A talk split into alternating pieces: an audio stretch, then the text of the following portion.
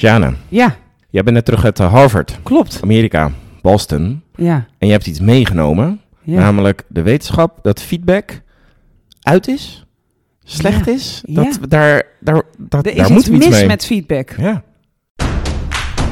Welkom bij een nieuwe boost voor jouw missie No More Boring Learning. Dit is de Brain Bakery Podcast. No More Boring Learning via je podcast. Wat lekker dat je weer luistert. Ja, feedback. Daar is iets mee. En in deze podcast gaan we je meenemen over wat is er nou mis met feedback. En er is zo'n goed alternatief. Ja, Er is zo'n goed alternatief. ja, Enorm onderzocht. ja. Heel veel research naar gedaan en ik wist eigenlijk niet wat ik hoorde. We hebben ook podcasts ook eerder gemaakt over Zeker. feedback. Ja. Voor de luisteraars, podcast 42, de haat-liefde verhouding met feedback. Nou, over die haatverhouding. Ja. Ja. ja, wat ik daar geleerd heb, dat is wel super interessant, is...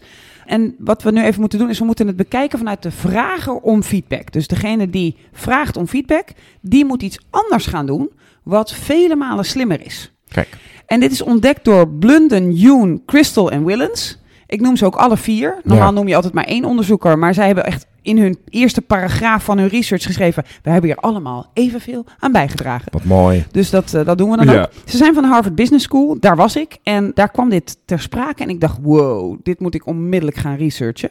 En wat ze hebben ontdekt is dat op het moment... Nou, wat zij niet hebben ontdekt, maar wat, zij, wat wij allemaal weten... is op het moment dat iemand om feedback vraagt... dat vinden we natuurlijk al eng. Want om feedback Ja. vragen is je kwetsbaar opstellen... je blootstellen aan feedback. Daar, eh, komt, daar komt de pijn, hè? daar, daar komt, komt de de pijn. Ja. Nu ga ik Ja. horen wat ik fout deed. Eh, dus dat is al heel spannend. Maar wat we dan het meeste willen, eh, weten we uit de research, is dat we onszelf willen ontwikkelen. Self-development. Ik Mhm. wil mezelf verbeteren. Daarom vraag ik het. En dan wil ik hebben kritische, maar Mhm. ook actionable feedback. Dus ik wil niet alleen kritisch van dit was echt goed, dit was echt fout. Dus dat het op scherp staat. Maar ik wil ook weten, wat kan ik ermee? Dus ik wil actionable, ik wil het in actie om kunnen toveren. Wat ga ik daar nou mee doen? Ja. En wat ik wil, is ik wil iets toekomstgericht. Dus ik wil weten, wat kan ik hiermee in de toekomst? Dus ik wil mezelf ontwikkelen, ik wil dat het kritisch en actionable is. En ik wil naar de toekomst toe denken, wat kan ik hier dan mee? Dus dat, Dat zijn eigenlijk de, de drie verborgen vragen achter Ja. hoe vond je dat ik het deed? Ja, ja. ja. dus de, de, op het moment dat iemand al de ballen heeft of de sterke ovaries heeft om dit te vragen, zijn dat eigenlijk de vragen die daarachter zitten. En Ja. ik denk dat voor ons als L&D'ers het heel belangrijk is om dat te beseffen, dat dat de verborgen vraag, inderdaad, heel mooi hoe je dat zegt, erachter is. Nou, op het moment dat we dan gaan zeggen, mag ik feedback, blijkt dat het hier niet zo erg over gaat. Goh. Ja, en wat deze onderzoeksters eh, ontde- ontdekt hebben, is dat wij veel beter kunnen vragen om advies. Dus Kijk. we moeten niet vragen, wat is je feedback? Nee. We moeten vragen, oké, je hebt me dit nu zien doen, je hebt me zien performen, je hebt iets van mij waargenomen. Wat is je advies? Oeh. Dan blijken wij op die drie punten die ik net noemde, veel meer waarde te krijgen. Wat lekker. Ja, Ik vind hem ook, want met je aan het begin zei van we doen hem vanuit de feedbackvrager. ja. Ik denk dat het ook veel lekkerder is om, om advies te vragen Ja. dan om feedback te Ja. vragen. En dat ene woordje zorgt er dus voor dat op alle punten waar we graag, eh, die we graag Ja. willen horen, de verborgen vraag achter de vraag, Ja. dat we daar veel meer op krijgen. Daar wilde ik, wilde ik iedereen even in meenemen. Neem ons er eens in mee. Ik neem jullie erin mee. Wat lekker. Als je kijkt naar die self-improvement stuk wat erachter zit, ik wil mezelf ontwikkelen, ik wil zelf beter worden, dan zie je dat daar ongeveer, ehm, als je vraagt om feedback, dat het daar bijna niet over gaat. Het scoort zelfs negatief. Oh, Ja, terwijl als je dan gaat kijken naar, als je om advies vraagt, self-improvement, developmental, dus een, een blik of je van de observator of degene die jou de, de, het advies gaat geven, bij advies krijg je dus veel meer, ik zie deze ontwikkelingsmogelijkheid. Terwijl als je bij feedback vraagt, krijg je daar bijna geen feedback op. Shocking, hè? Ja. Misschien wel van een hele goede trainer die daarin getraind is. Maar als je in een business setting Ja. vraagt om feedback, gaat het daar niet over. Mag ik daar wat over? Want ik Ja. zit er natuurlijk over na te denken. Ja. Ik kan me daar ook wel wat... Ik was inderdaad, toen je het zei, dacht ik... Hè, hoe kan dat nou? Ja. Vooral toen je zei negatief. Toen dacht ik, ja, als je om feedback vraagt... dan krijg je natuurlijk vaak te horen wat er niet goed ging. Ja, Ook al proberen mensen het in een soort tip of zoiets Ja. te verwezen. Je krijgt toch vaak te horen... en ik zou dit niet meer doen. ja. Of dit ging fout. Ja. Of dit had het averechts effect. Ja, Ja. dus dan kan ik me inderdaad voorstellen dat je leert dus niet iets nieuws. Je leert nou, iets af, dat kan op zich niet. Maar, Nee. je, maar je stopt met dingen doen. Ja. Dus dan kan ik me voorstellen dat eh, het resultaat is inderdaad een negatieve zelfontwikkeling. Want Ja. je, Nou, het, het, het resultaat, ze, ze hebben niet gemeten dat er een negatieve zelfontwikkeling Nee. overkomt. Maar ze hebben gemeten dat het daar dus zo weinig over gaat ten opzichte van advies, dat ze hem negatief scoren. ja, ja, ja. Ja, want je krijgt vooral te horen... Dit ging niet. Nee. Neem op, moet je niet meer doen. Nee. Ja. En, en daar kun je denk ik altijd wel iets van leren. Als je, als je, Ja, ik denk tuurlijk. dat als je mindset is, whatever deze persoon zegt, dat is gewoon goud. Dat komt Ja. uit zijn of haar mond, dat ga ik gebruiken. En je kan helemaal op die plek zitten in plaats van op de plek, "Ah, daar komt het. Dan, denk ik dat je er altijd wel wat mee kan. Maar als je de ander dus, de feedbackgever, de adviesgever wilt sturen in waarde, vraag dan om advies. Dus, dus de, het gedeelte zelfontwikkeling Ja, veel beter bij advies Ja. dan bij feedback. Juist. En dan hoe kritisch is het? Dus hoe scherp is het geformuleerd? Dan zie je dat advies scherper geformuleerd is. Dus dat is helderder gemaakt van hier gebeurt iets. Ja. Dus ze zetten het meer op scherp, maar dat scheelt maar een klein beetje. Dus in die zin zit er weinig verschil tussen feedback en advies. Maar als je dan gaat kijken naar hoeveel suggesties krijg je, hoeveel suggesties van hey, dit kun je beter doen, dat kun je beter doen, dan zie je dat er ongeveer 50% meer gebeurt in eh, de adviesvraag. Dus suggestie, denk daar eens aan. Neem die eens even mee. Je krijgt ook wel wat in feedback, maar vele malen minder. Ja, wat ook, als je erover nadenkt, heel logisch is. Want je zegt eigenlijk, kom maar met suggesties. Ja. Geef mij maar advies. Ja. Zonder dat je letterlijk die woorden gebruikt. Precies. Dus inderdaad, dat ene woordje maakt gelijk zoveel verschil. Ja, want bij feedback gaan we dus blik op het verleden, terugkijken. Dit was niet goed, dat was niet goed, dat was wel goed. Maar niet trouwens voor de future. En dat is denk ik de grote verschilmaker. Nou, dan gaan we ook nog kijken naar hoe actionable is het. Hoe waarschijnlijk kun je dit omzetten Ja. in een actie. En dan zie je dat het significant groter is ook bij advies. Dat je gelijk denkt, oh, dat kan ik ermee. Vergeleken met feedbackvragen. Nou, hoe useful wordt het dan be- beoordeeld? 30% meer useful bijna. Hoeveel zit de focus op de toekomst? Mhm. Dan ga je van punt 15, vrij weinig bij feedback, naar punt 56 bij advies. Zo. Dus bij advies gaan wij kennelijk automatisch, of gaat degene die het adv- Ja. om het advies gevraagd wordt, kennelijk automatisch kijken, oeh, wat kun je hiermee in de toekomst? Ik ga jou opbouwen. Versus feedback is, ik ga naar verleden, ik ga naar de oudheid, ik ga zeggen wat daar niet aan werkte en wat er wel aan werkte. En dat was het dan. Ja. Ja, dan wordt een soort historicus, word je. Ja. Precies. Ja. Nou, de geschiedenis in. Ja. In 1853. Ja. Ehm, en als je dan kijkt naar de lengte van. Want ze hadden, ze hadden dit helemaal losgelaten in een van de onderzoeken. De lengte van het advies is ook nog langer dan de feedback. Kennelijk de- denken we ook bij feedback. ehm, is de hypothese dat we denken van. Nou, dit ging over dit stukje. Daar ga ik nu iets over zeggen. Klaar. Terwijl bij advies gaan we dus meer eh, nadenken, meer hey, associëren. Het gaat wat vrijer lopen. En er komt dus ook nog meer. Wat lekker. Ja, en, en Ja. het is dus ook lekkerder om te horen, Ja. omdat het toekomstgericht is. Dit kun je denk ik Ja. doen. Dat zou ik niet meer doen. In de toekomst is dit slim.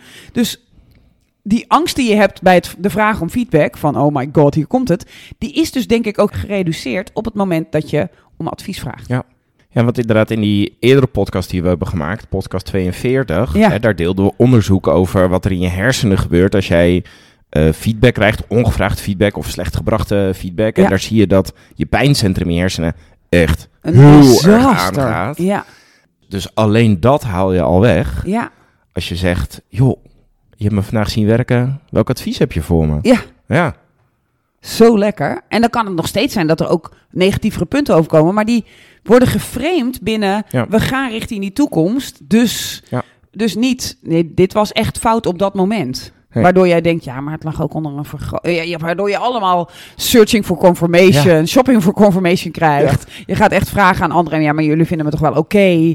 Maar dat hoef je allemaal niet te doen. Op Nee. het moment dat je om advies vraagt. Grappig, je gebruikt heel even het woordje framing. We hebben natuurlijk ook in ons hoofd de framing bias. Hè? Ja. Dat, dat je eh, meer waarde echt aan hoe iets gebracht wordt dan wat er gebracht wordt. Ja, precies. Dat merk je hier dus ook heel erg bij. Even los van dat er nog veel meer achter zit. Dat omdat je het woordje advies gebruikt in plaats van feedback, gaat misschien ook wel kritische informatie, van dat was jouw punt, gaat op Ja. een andere manier gebracht worden, waardoor je hem dus veel meer tot je neemt en die veel anders overkomt. Ja, en ik moest ook denken, en ik heb natuurlijk een aantal papers moeten inleveren, ook voor Harvard. En, en de zenuwen weer gevoeld die iedere student en Oh, ja. iedereen die, die als je iets moet gaan inleveren, dat voelde ik ook allemaal weer. En toen dacht ik, stel nou dat je, dat je erbij zou kunnen schrijven, welke drie adviezen heeft u? Wat is uw belangrijkste advies Ja. voor mij? In plaats van, Kom nou, maar op. doe maar met de Ja. feedback. Nou, hier staat een punt die mist. En, en het, wo- het wordt gelijk kleiner, mierenneukeriger, nader versus eh, met dat advies. Deden ze het ook? Gaven ze je ook advies? Of gaven ze feedback? nee, we zijn, eh, volgens mij is het nog steeds zo op het moment dat je een paper krijgt, voor je neus krijgt, dat je gaat kijken naar wat mist hier. Ja. Dat er een, A- een A van zou maken of een 8 van zou maken. Ja. Dus de, de blik is wel feedbackgericht daar. En Ja. de rode pen eh, komt ook tevoorschijn. Oeh. Daar kunnen ze ook nog wel een klein stapje maken. ja. Ja. Ehm, nu zijn onze luisteraars eh, zullen vanuit hun eigen individuele perspectief vast ook om feedback dan wel advies vragen, Ja. maar staan ook voor groepen Ja. of kopen trainingen in of werken samen met eh, trainers. Ja, Ja, trainers geven feedback. Ja. Daar wordt feedback aangevraagd. Wat betekent dit nou voor ons als trainers? nou, dat vind ik een hele goeie. Ik denk dat inderdaad de zekere waarde van deze podcast zit in... vraag nooit meer om feedback, vraag altijd om advies. Maar ik denk dat er ook een zelfreflectie inderdaad uit kan komen... naar ons toe, onszelf toe. In hoeverre zitten wij in de feedbackstand? Als ik even denk aan hoe vaak ik wel aan een groep heb gevraagd... schrijf even op welke feedback je nog zou hebben willen geven. En dan sta je voor een groep met leidinggevende... en dan gaan mensen opschrijven... en dan vraag je daarna hoe vaak was het een compliment, opbouwend... hoe vaak was het iets Mhm. negatiefs... En dan zegt iedereen, fucking hell. Ja. Dit was heel negatief. Ja. En dan zie je, kijk je ook in de zaal om je heen en iedereen heeft bijna zijn hand omhoog. Dat, oh ja, wat had ik nog willen zeggen? Ja. Dat het kritisch of opbouwend bedoeld is, maar niet een compliment is. Dus ik denk dat wij dat dan wel een soort tegen de leidinggevende gebruiken die wij trainen. Maar ik denk dus dat het ook heel interessant is in, om onszelf ga- te gaan afvragen. In hoeverre als ik iemand heb laten oefenen, in hoeverre ga ik dan in de feedbackstand zitten Ja. en hoe vaak ga ik dan in de adviseurstand zitten? Want de feedbackstand is denk ik het vergrootglas erop, kijken wat er ontbrak, wat beter had gekund of waar het al heel goed ging. Maar ik denk dat de advieskant veel meer ook denkt, oké, straks ben jij weer in die situatie. Welk advies geef ik je daarin mee? Dus ik denk dat ook dit Ja. ene woord, om dat voor ons naar voren te halen als L&D'ers, ook heel erg kan helpen. Maar wat denk jij? Ik zie voor me dat ik eens ga experimenteren met een groep. Ja, En dat ik ga zeggen, jongens, we gaan het vandaag nul keer feedback geven. ja, We gaan vandaag alleen maar advies geven om eens even te experimenteren ermee. Want ik denk Ja. dat we er zo aan gewend zijn. ja, Precies wat je zegt, je ziet iets gebeuren en je wilt meteen kijken, het vergrootglas erop. ja, Wat ging hier, wat ging hier niet goed? En dan natuurlijk met de beste intentie, eh, ik ga iets, iets zeggen waardoor die ander Ja. beter wordt. Maar het gewoon met z'n allen afspreken, we gaan vandaag alleen maar advies geven aan elkaar. ja, Ik doe mee. Ja. Eh, ik denk dat het een hele, heel leuk experiment is. Ik denk dat er een hele goede, waardevolle Ja. gesprekken gaan ontstaan. ja. Ik denk dat dat klopt. En ik denk ook dat, dat het voor trainers dus een leuk thought experiment... misschien dat je hem niet zo, als jij gelijk live hoeft te gooien... en openbaar hoeft te maken, maar die vind ik wel heel leuk. Maar dat je ook voor jezelf kunt denken Ja. van... oké, iemand komt bij me met een vraag. Wat is mijn advies? Ja. Versus wat is mijn feedback? Ja. Maar opengooien vind ik ook leuk. Ja. Ja, Ja, en dat is omdat, jij, omdat je zelf ook zegt van, ja, wij zijn, als wij een deelnemer iets zien doen, dan zitten we altijd meteen in de feedbackstand. ja Want dat is wat we doen, dat, Ja. is, dat is waarvoor we komen. precies. Maar dat is zeker niet, zeker niet de oplossing voor dat. Maar het lijkt me wel een aardig experiment Ja. om eens, eh, om eens te Ja. gaan doen. Ik zie Maar- ook gelijk een modelletje vormen met het woord feedback en daarnaast advies. En dan feedback een pijl naar het verleden en advies een pijl naar eh, de toekomst. In die zin, dat hebben de onderzoekers overigens niet omschreven of gedaan. Eh, je hebt natuurlijk die hele trend gehad een tijd lang met, met feed forward. Maar ik denk dat feed forward misschien ten onrechte is uitgevonden. Omdat we gewoon het woord advies hadden kunnen gebruiken. Ja. Ja, is, is feedforward en advies eigenlijk hetzelfde? Nou, ik denk dat Feed Forward is uitgevonden om wat minder in die Ja. pijn van feedback te zitten. En dat het dus een nieuw woord is. Dat is dat men, ik denk niet dat er een officiële definitie Nee. is geweest. Ik denk dat iemand het ooit gebruikt heeft. De andere dacht, oh, dat is leuk, dat klinkt lekkerder als fe- feedback. Of, Klinkt vriendelijker. of, of, ja. of dat ze al gelijk waarde erin zagen. Maar ik vond het wel interessant dat deze mensen dit hebben onderzocht en het effect ervan. Wat ze niet hebben onderzocht Hmm. is, komt het dan alleen door de klank van het woord? Komt het dan alleen door dat advies iets anders oproept? Zit het alleen in de connotatie van het woord of is het iets anders? Dat zou ook nog wel een interessante opvolger kunnen zijn. Maar voor nu denk ik dat het super praktisch is. Ja. Voortaan ook kinderen thuis. Vraag niet, mama, wat heb ik verkeerd gedaan? Maar vraag, mama, wat is je advies? Ja. Je krijgt gewoon een ander, ander gesprek. Lekker. Op Dus, school, Lieve overal. mensen, Ja, niet meer vragen welke feedback heb je voor me, maar vragen welk advies heb je voor me. en ik denk zelfs dat je dan het ook vaker doet. Want daar begonnen we natuurlijk mee, maar dat bedenk ik nu pas. Als je om feedback vraagt, moet je inderdaad... Ah, Je gaat ergens doorheen, spannend. Terwijl als je om advies vraagt, is denk ik minder vulnerable, minder eng. Ik dus denk, denk dus ook dat dat vaker gaat gebeuren. Oeh, dus, dus wij krijgen natuurlijk vrij vaak vragen over... We hebben in ons team of organisatie niet zo'n feedbackcultuur. Voortaan gaan wij zeggen... Maar hoe is het met de advies? Heel goed, heel goed. Ja. Stop nou eens met die feedbackcultuur. Ja, wij we worden daar altijd al kriegelig van. Ja. Maar dat is een Ja. leuke. Laten we een adviescultuur gaan bouwen. Ja. Nou, dit gesprek was ook weer een ontdekkingsreis op zich. Ja, precies. Lekker. Ik ben blij dat jullie als luisteraars aansloten bij, dit, eh, bij deze ontdekkingsreis die wij eh, hebben afgelegd. Heerlijk dat je weer eh, hebt geluisterd. Wij gaan hem eh, afronden. Ja. Ja, En door met de missie. No more boring learning. juist. Heel graag tot de volgende aflevering. No more boring learning. Dit was de Brain Bakery podcast.